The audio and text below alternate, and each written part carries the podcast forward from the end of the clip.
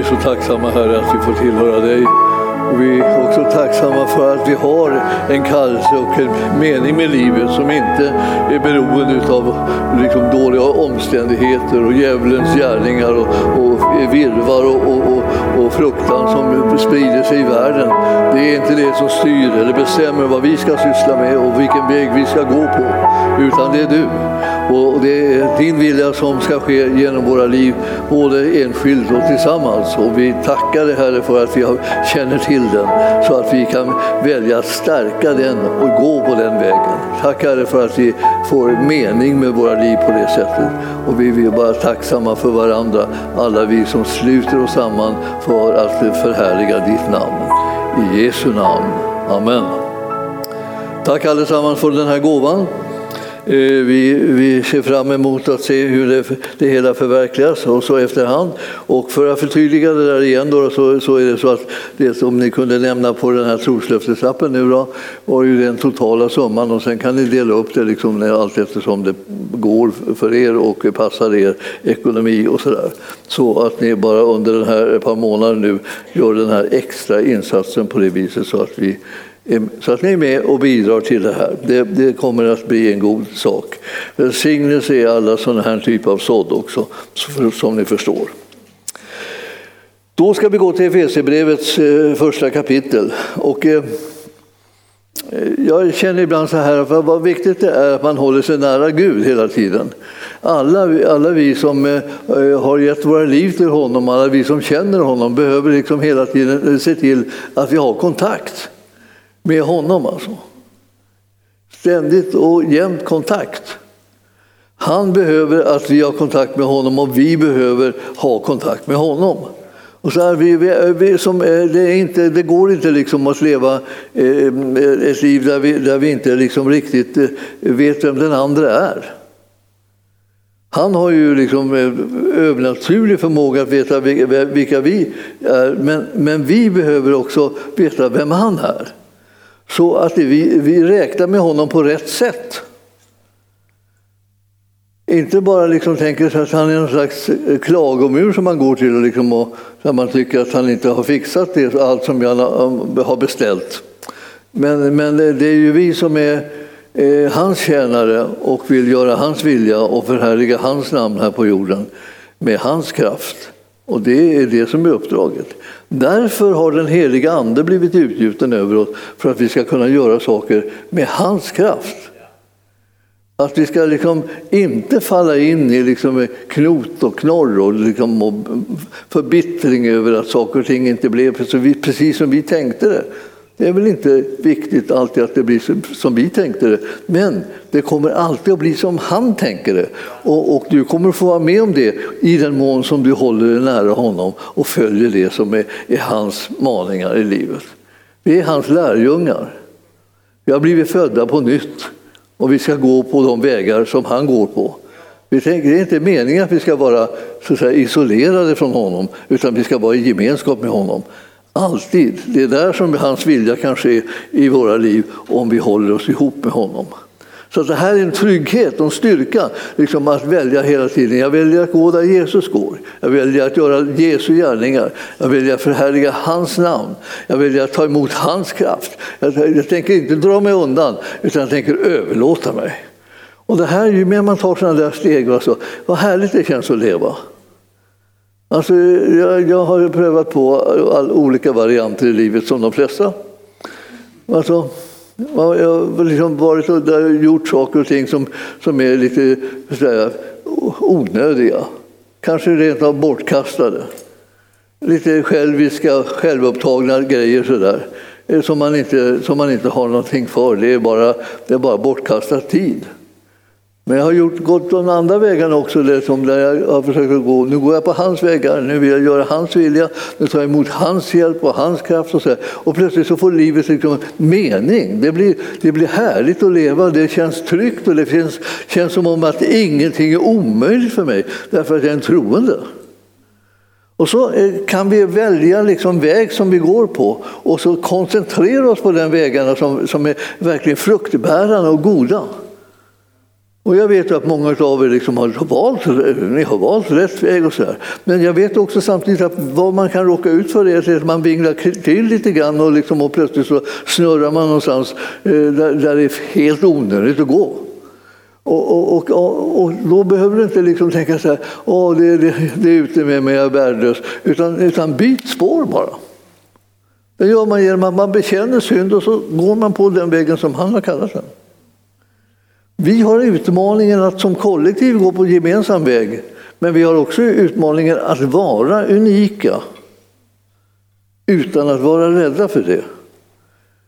Så det, är liksom, det, är lite, det är lite tragiskt när vi är rädda för att vara unika.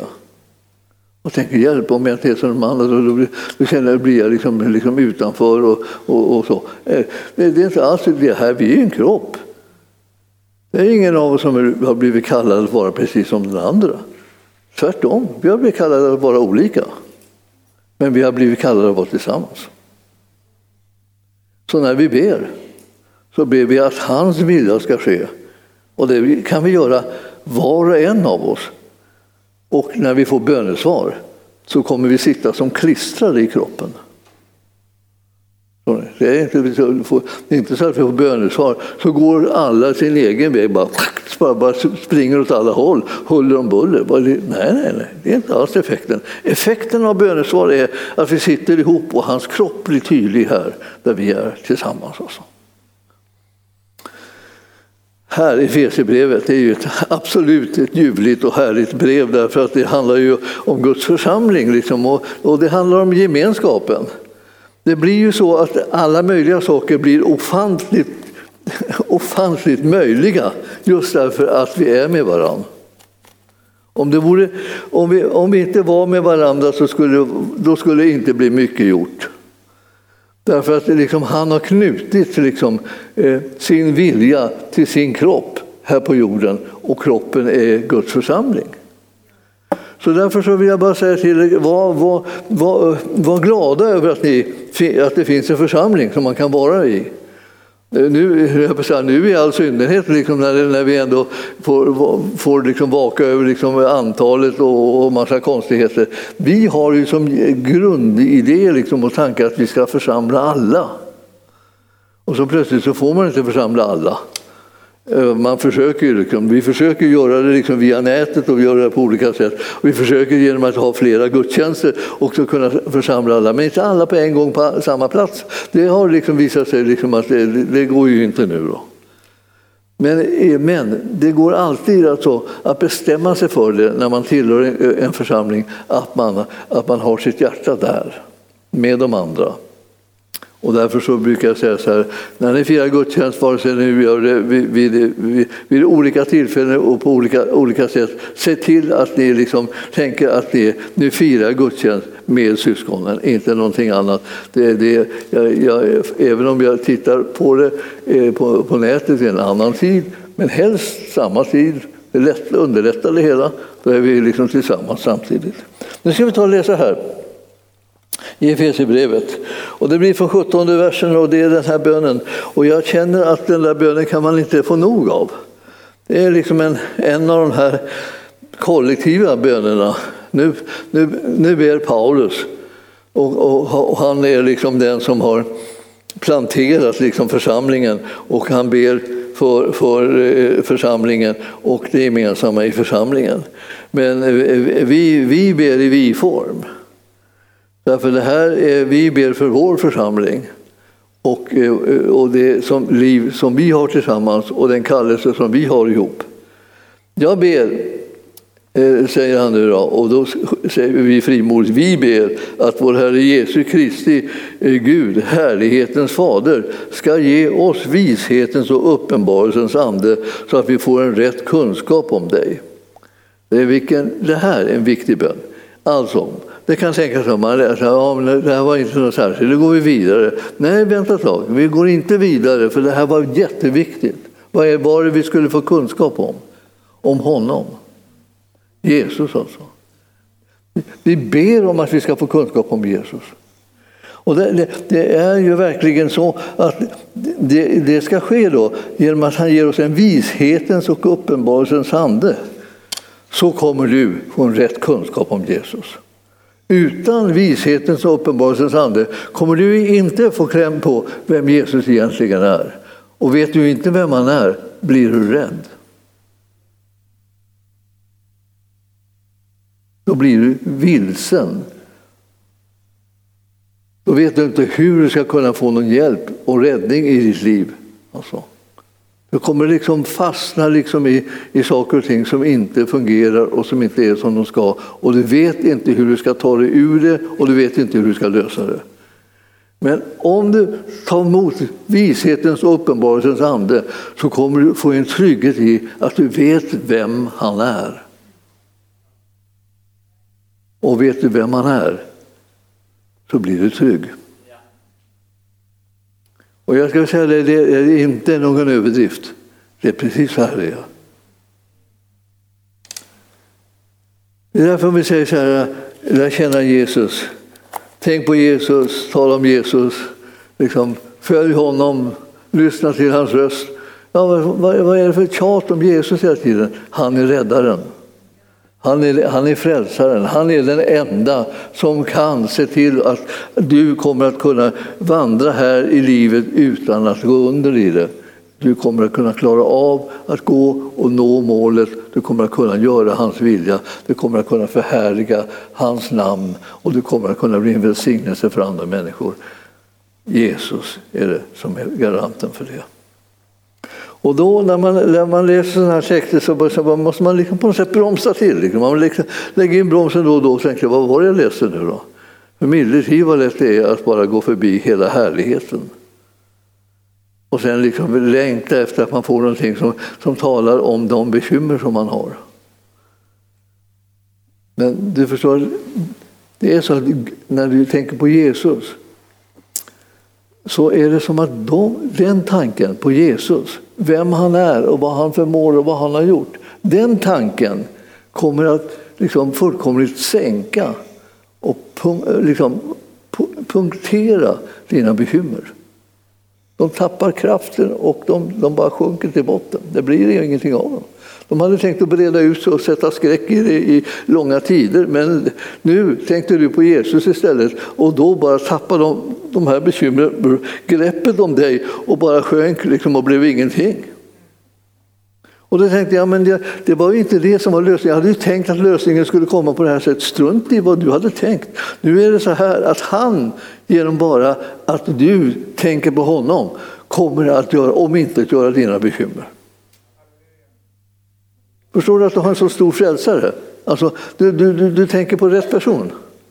Alltså, det är inte bara, man ska inte hålla på och tänka på alla de som inte klarar av någonting. Alla de som inte orkar någonting, alla de som inte kan någonting och säger och hjälp och hjälp, hjälp. Och, tänker, och så någonstans så börjar man tänka på sig själv då. Och då tänker man, ja nu är det liksom bottennapp, nu är det slut liksom. Jag, jag, klarar inte, jag vet inte vad jag ska göra, jag vet inte hur jag ska kunna få den här utvägen, den här lösningen. Jag vet inte, hur ska, hur ska det gå till? Lyft blicken, tänk på Jesus, det är han som är lösningen, det är inte du. Du kan, du kan fundera dig fördärvad. liksom. Du blir bara liksom deprimerad av det. Lyft blicken och tänk på honom som är lösningen. Han är redan frälsaren. Han är redan den som har rättfärdiggjort dig och godkänt det. Han är redan den som har räddat dig. Han är redan gjort alltså. Och så håller du på och tänker på det och pratar om din livssituation som det inte fanns någon hjälp. Hjälpen har ju redan kommit. Det är bara behöver tänka på rätt person. Man kan inte tänka på sig själv ensam i den här världen, då vet man ju liksom att då har man ju problemen kvar. Men om man tänker på Jesus tillsammans med en själv i den här världen, då har man lösningen klar. Hör ni vad jag säger till er? Ja. Jag vill att ni ska bli fria och glada. Det är det som är meningen. Va? Jesus har ju kommit för att göra gott mot oss. Han har inte kommit för liksom att bara ösa på massa problem hela tiden, en massa anklagelser så, så vi bara ligger där som små våta fläckar på backen och tänker så här, jag klarar ingenting, det är slut liksom. Allt är möjligt för den som tror. Vi har en frälsare. Han är redan den enda som är värd namnet faktiskt. Ja, nu ska vi se. Jag läser en liten bit till också. Ja, 18 versen. Jag ber att, alltså, eller vi ber, att våra hjärtan ska upplysas så att vi förstår vilket hopp han har kallat oss till och hur rik på härlighet eh, hans arv är bland oss heliga. Jag gillar det här när vi börjar prata om oss själva som heliga. Ja, det är som, nu, nu vart det här lite det, det, det, fortsätter liksom en mening. Alltså, jag kan säga på grekiska har man en benägenhet att skriva jättelånga meningar. Ibland är de så långa så det, det, det är hela sidor. kommer aldrig en punkt, det är bara komma, komma, komma hela tiden. Man kommer inte till punkt. Så men, men, men sen vi då, som eh, när vi ska översätta, sätter punkter lite överallt så här. Men grejerna sitter ihop alltså. Och då är det så här att vi, vi, vi läser här fortsättningen 19 också. Och hur oerhört stor hans makt är i oss som tror därför att hans väldiga kraft är verksam. Det är så läget. Kraften som han har är i våra liv verksam! Ja, jag vill bara påpeka. Det är så här, hur ska vi få igång honom? Ja, hur ska vi få honom att liksom verka för vår räkning? Hur ska vi, den är redan verksam. Nu är liksom helt, helt sent ute kan man säga för att liksom påpeka liksom att Herren behöver komma igång. Han är redan igång för din räkning. Det har han varit hela tiden. Så om du då lär dig läsa Bibeln så kommer du bli glad. Och om du inte bryr dig om att läsa Bibeln så kan du deppa ihop alldeles i onödan också. Alltså, tänk dig bara så fullkomligt jobbigt det kan vara att tänka att man blir deppig i onödan. Man behövde inte bli det. Bara det att man visste inte om vem man var. Man visste inte om vad, han hade gjort. Nu ska vi ta det här från 18, 18 igen. Då. 18 och 19. Ni får inte besura för att jag upprepar det, ni kommer bli glada istället. Jag ber att era hjärtan ska upplysas så att ni förstår vilket hopp han har kallat er till. Så du behöver be om upplysning för att du ska förstå vilket hopp, vilken framtid som han har kallat dig att gå in i. Är du med? Och hur rik på härlighet hans arv är bland de heliga. Det vill säga, det finns ett arv som de heliga har tillgång till. Och, och ja, som du vet så är du några av de heliga. Då, då. Så att arvet är bland de heliga, det vill säga du är en av de heliga. Och det här kläcker han ur sig bara och säger om oss utan att veta någonting om oss. Jag ska tala om att man måste vänja sig vid, vid Jesus. Man måste vänja sig vid honom därför att han räknar med sig och sin gärning så till den milda grad så att det är som om allting redan är gjort och klart och färdigt. Liksom. Så, det, så när han ska säga någonting om oss, som är de som har ärvt alltihopa som han har gjort, så då, då talar han om oss som om alltihopa var fullbordat och färdigt redan. Fastän vi sitter där liksom och, och biter på naglarna och undrar hur ska det här lösa sig? Han har redan löst åt dig.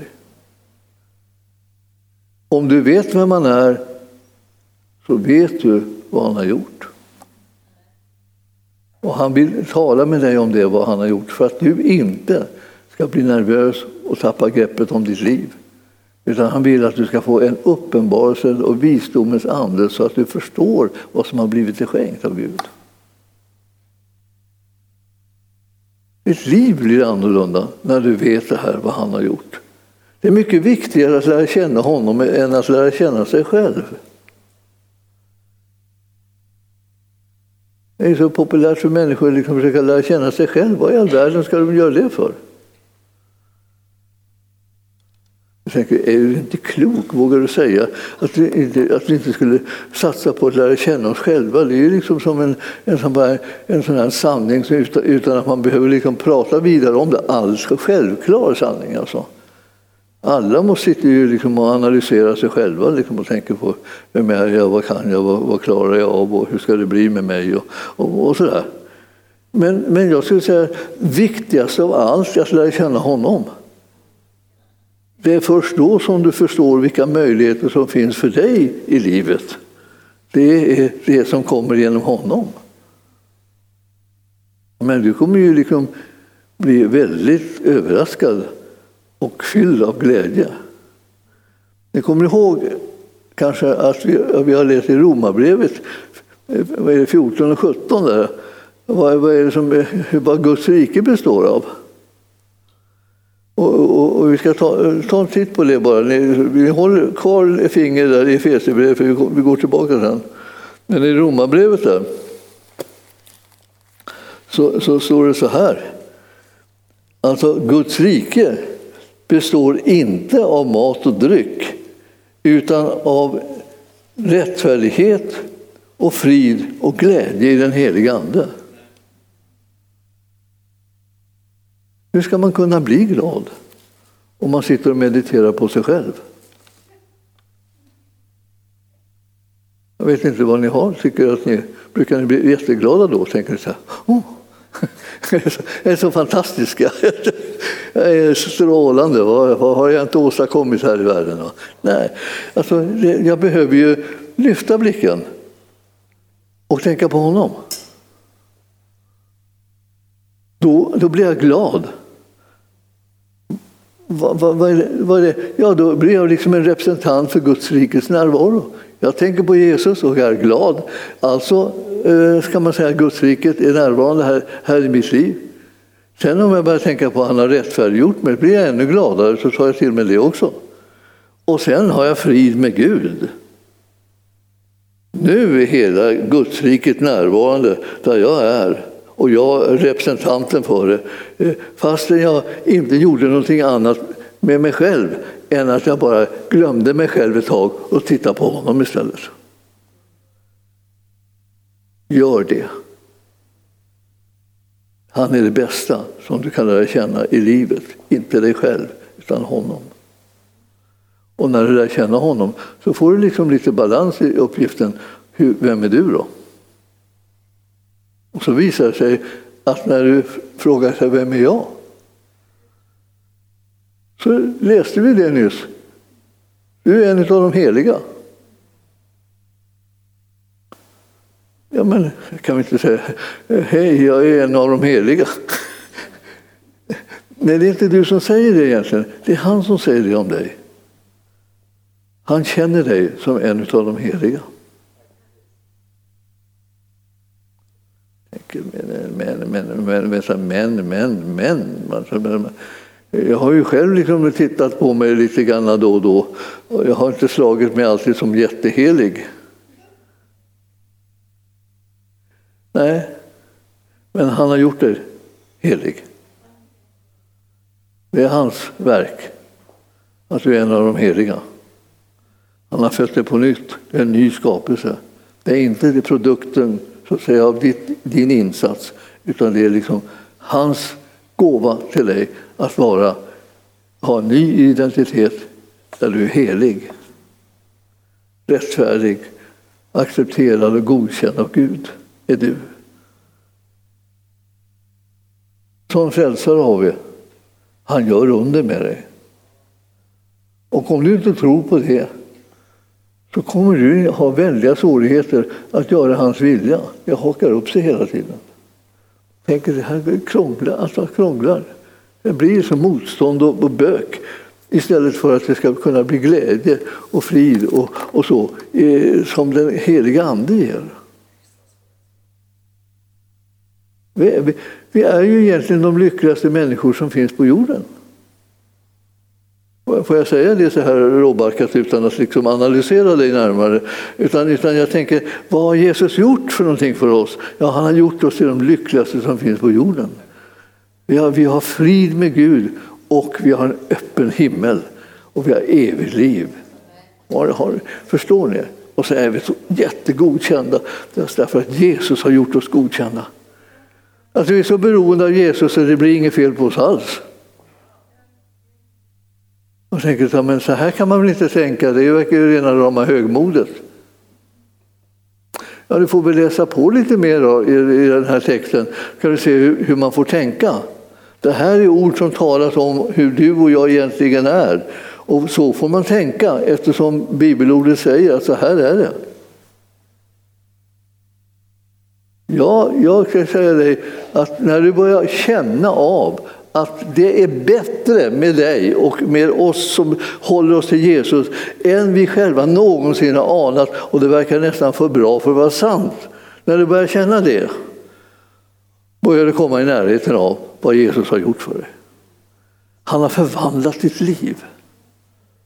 Han har frälst dig så att du är någonting som inte är en produkt av dig utan en produkt av Jesu gärning. Och eh, om du vill prompt leva som en produkt av dig själv och dina gärningar så kommer du bli underkänd.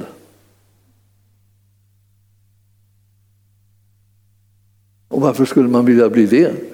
När man behöver bara vända till Jesus så blir man frälst och godkänd och accepterad. Man tänker, ja men det här är slarvigt, tänker någon. Så här kan det inte vara. Man måste väl ändå skärpa sig, man måste väl försöka och man måste väl kämpa och man måste väl hålla på. Ja, inte för att bli frälsta, inte för att bli godkända och sådär, för det har Jesus redan gjort. Men du, du naturligtvis vill också tjäna honom och göra hans vilja. Ja, det är bra. Gör det. Men tro inte att det hjälper dig till att komma in i himlen. För det är redan för sent att försöka få det fixat, för det har han redan ordnat. Det var därför han dog, för att du skulle bli frälst. Det var därför han dog, för att du skulle kunna bli ett Guds barn. Det var därför han dog, för att du skulle få evigt liv istället för att du ska komma in under vredesdomen. Ja. Det var därför Jesus gjorde vad han gjorde, för att du skulle bli räddad. Du måste veta om det. Annars så blir du liksom bara du krymper liksom och blir bara liksom en liten rädd person som går omkring och aktar dig så att ingen tittar på dig och märker att du är så ofullkomlig. Om de tittar på din mästare och du håller upp honom så kan de märka att du är räddad. Och sen kommer de märka att de kan också bli räddade. Det är Jesus som frälser. Det är Jesus som räddar människor. Inte du och jag, inte våra gärningar, inte våra satsningar, inte våra fina ord och fina attityder och snällhet eller någonting sånt. Nej, nej. Det är Jesus som frälser. Bara han, helt och hållet. om jag, om, om jag, det jag har sagt nu retar dig lite grann och du känner liksom det här, så här, kan man, så här får man inte bara säga. Skulle ju vem som helst kunna bli frälst. Ja, vad tror du Gud vill? Han vill att alla människor ska bli frälsta. Hur ska han kunna bli alla människor bli frälsta om inte någon hjälper dem? Jesus har hjälpt dem så till den milda grad att det blev klart och tas emot i tro. Alldeles gratis, det vill säga av nåd. Skönt. Jag, tänker liksom på, jag kommer ihåg första gången som jag vågade mig på att säga, äh, jag tog sats och stod inför församlingen och sa, titta här nu på mig. Här står en fullkomligt rättfärdig man. Sa jag. Liksom. Jag tänkte hjälp, nu kommer det bli lynchning. Ja, värsta högmod, otroligt fräckt att säga något sånt om sig själv. Och så kan man säga det, så, hur kan jag säga det? När jag bara liksom citerar Jesus. Det är han som tycker att jag har blivit en fullkomligt rättfärdig person när han har frälst mig och rättfärdiggjort mig. När han gjorde mig rättfärdig, då blev jag rättfärdig. Jag kunde inte bli mer rättfärdig än det som han gjorde mig till. Det känns, det känns som att det vore högmod bara därför att vi eh, eh, inte ger den här så att säga, gärningen som Jesus har gjort för oss uppmärksamhet.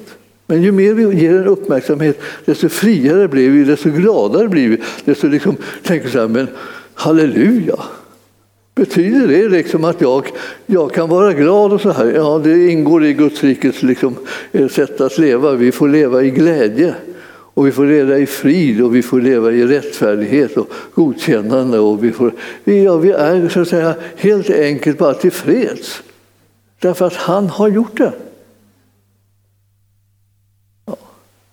Jag vet att det finns ju eh, människor som inte tycker om en sån typ av kristendom. De tycker om sån där kristendom där man aldrig blir färdig någon gång.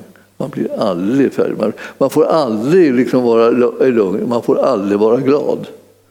Man har alltid massa anklagelser och grejer som man inte har liksom gjort upp med och gjort klart ännu. Och därför så, så, finns det, så är det bara fel på en överallt i alla fall.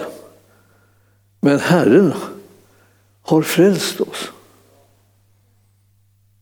Det betyder inte alltså att han har inte misslyckats med det, han har inte frälst oss lite grann.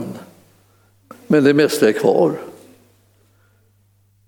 Jag hade, hade ett sånt samtal med en eh, ärkebiskop en gång. Och han sa, ja men du vet väl att vi, vi är både eh, syndare och rättfärdiga? Nej, så är det känner jag inte till. Jag känner till att vi, vi, vi var syndare och så blev vi rättfärdiggjorda av Jesus. Så är det ju, eller hur? Ja, men Luther, sa han, ja, men det spelar ingen roll vad Luther tycker. Och han har inte rätt i allting. Han var jättebra på många saker. Men det där fick han om bakfoten. Att man aldrig blir av med synden. Hur man än bekänner den och bekänner och bekänner så blir man inte av med synden. Det är, det är ett, ett gissel att tänka sådana tankar. Vilka tankar ska vi tänka? Jesu tankar. Fri blir man. Bekänner man synden så blir man förlåten och försonad och fri. Ingen mera liksom anklagelse eh, för, för synd som redan är försonad och priset redan är betalt och han har tagit på sig straffet för min synd. Din med. Använd möjligheten att liksom bli försonad med Gud. Vi behöver ett, ett befriat folk, ett sådant folk som Jesus har vunnit för sig. Och det är sådana här som är förlåtna och som är rättfärdiggjorda och som är accepterade av Herren. Vad skulle de inte kunna göra om de börjar tänka så här, tidning det är inte längre något fel på mig. Jag kan, jag, jag, jag kan göra det, här, det som Herren vill. Jag kan, jag kan göra det frimodigt och glatt. Jag behöver inte hela tiden tänka åh nu dömer de mig, nu, nu ser de att jag är en dålig människa. Och sådär. Du, du, du, är inte, du är inte dålig, du är förlåten. Ja, man tänker, alla kan väl inte bli förlåtna? Jo, bekänner man sin synd blir man förlåten. Säger man ja tack till sin frälsare för den frälsning han har, han har berättat så blir man försonad med Gud och rättfärdiggjord. Totalt godkänd. Vi måste ha ett sådant folk för att vi ska kunna nå ut med evangelium, annars är det ingen som begriper vad evangelium är. Jag kommer ihåg när jag hade mina konfirmander första gången. Så sa jag, jag sa, ja, hur många vet vad som betyder, sig evangelium betyder? Nej, gissa då, gissa, vad, vad tror ni? Och de gissar på allt möjligt elände då, som evangelium kunde betyda. Men när jag sen skrev då så här, hade jag skrivit upp evangelium på tavlan så här, skrev jag lika med så, kom det, så skulle det komma nu, det skulle komma, komma liksom. det som, som, som alla undrade vid det här laget. De hade, de hade gissat jättemånga saker. Ingen hade gissat glatt budskap. Alltså glatt budskap. Alltså, de, de, de, de, såg ut som de hade fått en kramp nästan av, av, av tvivel över att det, var, att det var på riktigt. Evangelium kan väl inte betyda glatt budskap? Det har vi aldrig uppfattat. Vi har, vi har alltid hört liksom att liksom, ja, man kommer till kyrkan så får man höra evangelium och sen är man alla syndare och alla går omkring och hänger med huvudet och viskar till varandra och det, och det är liksom en stämning som är helt konstig. Så här. Och, och, och, och så blir det glatt budskap som är svaret. Hur ska man kunna få det till ett glatt budskap? Ja, det måste ha, blivit, det måste ha någon ha gripit in på, liksom på något sätt som inte, som inte har fattat. Nej, det är sant. Det är någon som har gripit in och vi har inte fattat det. För det måste till någonting eftersom det blev glatt plötsligt när det var så tungt och tyst och allvarligt. Och så får, får man höra, ja Jesus har frälst oss.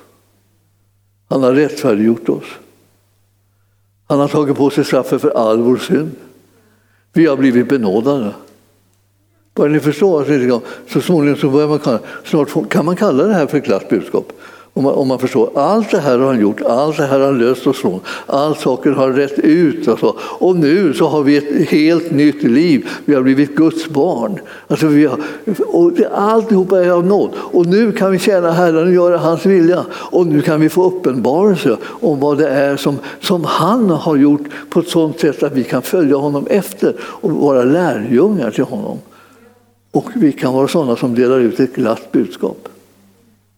Inte ett elände, inte en anklagelse, utan en, en välsignelse till varje människa. Hör att du är älskad av Gud. Hör att han vill ge dig livet åter. Hör att han vill förlåta dig och försona dig. Hör hur det är. Det är gratis. Förstår ni vilka, vilka jobbigt det är liksom att stå där och ha ett sånt här budskap och alla tror att det är precis tvärtom. Det är bara en anklagelse. Kom ska vi anklaga er. Denna, on, denna onda värld med dessa onda människor och allt är ont, ont. Nej, det är inte alls vårt uppdrag. Vårt uppdrag är Jesus är god, han har älskat er så att han har gett sitt liv. Ni är räddade allihopa genom hans gärning. Det, det, det är ett gott budskap. Det är kristendom. Förstår ni? Och då, då om ni tänker så här, ja, men det här verkar vara slarvig kristendom. Nej, den är nådig. Den är nådig. Den säger inte att det, att det inte har funnits synd i människors liv. Den säger bara det att en har kommit och burit straffet för all synd. Hans namn var Jesus och han är vår frälsare och Herre. Därför så är vi nu fria och inte bundna och inte liksom slängda i fängelse för evighet eller någonting sånt där. Utan det, vi har fått frid med Gud. Ja, nu står jag här och gottar mig i det här, känner jag.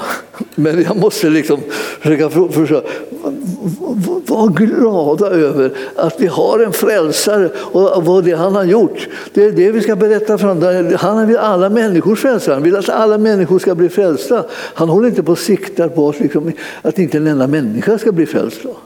Alla har någon brist någonstans och då kan vi naila dem och säga du kommer inte in. Och så håller man på sådär, letar efter brister. Så här, en brist till. Ingen, den kommer till den heller igen. Snart har han lyckats stänga dörren för varenda en. Han kom ju för att frälsa världen, inte för att döma den. Det har ju ni läst. Johannes 3 och 17. Alltså 3 och 16 känner ni alla till. Men 3 och 17 är, står det, inte komma för att döma världen. Så. Det är nästan ingen som läser den versen. Den förstår hela teologin för dem. De ville ha liksom dom, domedagsteologi. Men den hade inte Jesus. Han hade uppdraget att komma och frälsa världen. Ingen kommer att bli dömd mer än han. Och när domen hade liksom utverkats ända ner i botten, då uppstod han från de döda. För då kunde inte döden längre behålla honom, för han hade inte någon oförsonad synd. All synd som var din och min blev försonad. Det här är ett gott budskap. Fröjda sig Herren och, och sug på det ordentligt och präglas av det ordentligt för att ni, ska, ni måste föra ut ett evangelium som är värt namnet så att säga. Det är ett glatt budskap. Den som får höra innehållet i det blir ju glad så till en milda tid egentligen. För som är glad. Jag tänker, nej jag vågar inte ta emot det. Det är för bra. Jag vet, det är för bra. Jag tyckte också när jag började ana så här, att det här var lite bättre än vad jag hade någonsin hade kunnat förstå. Så tänkte jag, det, jag måste ha missuppfattat det. Nej, jag hade fattat det. Det är det. Ett till tre, ett till tre kommer en kristen att fatta vad det var som var evangelium. Och inte liksom bara gå omkring i världen orolig och nervös för att liksom, det är bara en tidsfråga innan man står inför domen och då är, allt, då är man avslöjad och då är man dömd och då är det slut. Och, eh, och sen kommer man bara kastas i mörkret i evigheten. Nej. Allt det där hade kunnat hända om inte Jesus har kommit. Nu har han kommit. Nu har han dött för min synd och din. Nu har han uppstått ifrån de döda när synden var försonad. Det fanns ingen mera synd och som behövde bli försonad. Han dog för all synd. Jag tjatar om det här bara därför att jag, liksom, jag försöker läsa av er om ni, om, ni, om ni fångar upp det här lite grann, eller gör ni en aning. Men, men, men försiktigt. Man är mycket mer försiktig när man hör ett bra budskap än när man hör ett dåligt. Har man ett dåligt så tänker man ja, det var vad jag trodde? Så var det förstås. Och så tar, suger man åt sig det precis som om det vore den största sanning som hade avslöjats. Men ett gott budskap tar man emot försiktigt. Liten bit i taget. Så att inte man plötsligt blir för glad. Det skulle ju vara hela livet blir förstört. Fattar ni? Liksom? Alltså därför så måste ni gå hem och läsa på den här, den här, den här lilla biten här där, där Paulus eh, ber så här i, i, i det här kapitlet, första kapitlet här i, i Så att ni, ni, så att ni känner liksom att ni vänjer er vid det goda budskapet. Ni ska inte bli sådana som, som vänjer er vid elände. Leta efter elände. Liksom, så här, så har vi, det, här, det slutar ju med från död till liv, står det så här i sista rubriken här i det första kapitlet i Efesierbrevet, 20 versen. Men denna kraft, med den här kraften verkade han i Kristus när han uppväckte honom från de döda och satte honom på sin högra sida i himlen över alla furstar och väldigheter och makter och herradömen, ja, över alla namn som kan nämnas, inte bara i denna tidsålder utan också i den kommande. Allt lade han under hans fötter och honom som är huvudet över allting gav han åt församlingen eh, som är hans kropp, fullheten av honom som uppfyller allt i alla. Vad gjorde han för någonting? Ja, det står ju det att han, han, eh, han som är huvudet över allting, han, han, han gavs åt församlingen. Och församlingen är hans kropp och den är fullheten av honom som uppfyller allt i alla. Vi har fått en present. Ja. Och presenten är Jesus, världens frälsare. Han har kommit och det är han som har räddat oss. Och det är han som har, eh, har all makt nu. Den här kraften som han har verkat, den verkar han genom Jesus Kristus. Och Jesus Kristus är given till församlingen. Så nu, har vi, nu är han närvarande bland oss med sin kraft.